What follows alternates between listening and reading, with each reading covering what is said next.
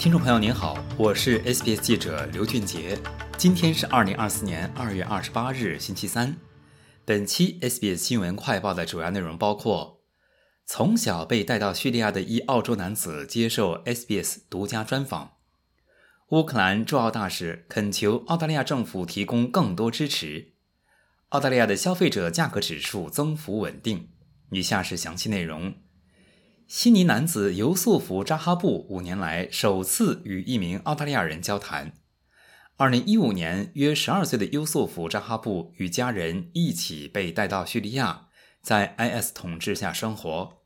二零二二年，IS 袭击了关押他的库尔德监狱，当时他已被认为遇害，但去年出现的证据显示他还活着。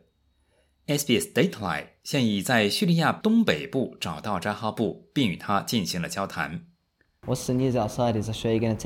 扎哈布说：“外面有什么消息？澳大利亚会把我带回去吗？或者我至少能见到我的母亲吗？或者我的家人？因为我非常想念他们，我日日夜夜都在想他们。我不知道什么时候才能回家看他们。我希望回到澳大利亚。”希望回到十年前的正常生活，希望再次见到我的家人。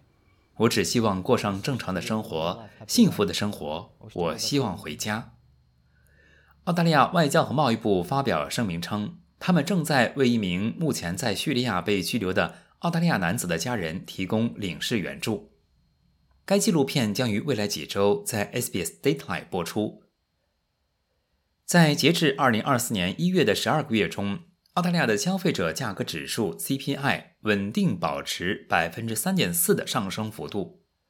澳大利亚统计局公布的一月份最新数据显示，消费者价格指数低于百分之三点六的预期涨幅，但仍是二零二一年十一月以来的最低年度通胀水平。一月份通胀率上升的最大因素是住房、食品和非酒精饮料、烟酒以及保险和金融服务。而娱乐和文化业则相反，在假日旅游和住宿价格大幅下降的带动下，数据统计的十二个月内下降了百分之一点七。国库部长吉姆·查莫斯在数据公布前警告称，月度数据可能不如季度数据可靠。乌克兰驻澳大利亚大使呼吁为这个卷入战争的国家提供更多支持，在俄罗斯发动全面地面入侵满两年之际。瓦西里·米罗什尼琴科呼吁继续向乌克兰提供援助，帮助该国。自2022年以来，澳大利亚已向乌克兰提供了9.6亿澳元的援助，其中包括120辆野外征服者 Bushmaster 装甲车。米罗什尼琴科说：“为了结束战争，有必要制定一项持续援助计划。” Ukraine's people are fighting hard.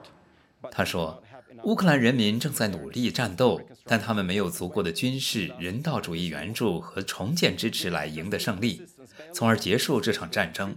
我们只有勉强够用的援助，滴水穿石般缓慢的援助和临时性的一次性支柱足以让我们支撑和继续下去。是的，按照这个速度，我们可以慢慢坚持下去。但这可以接受吗？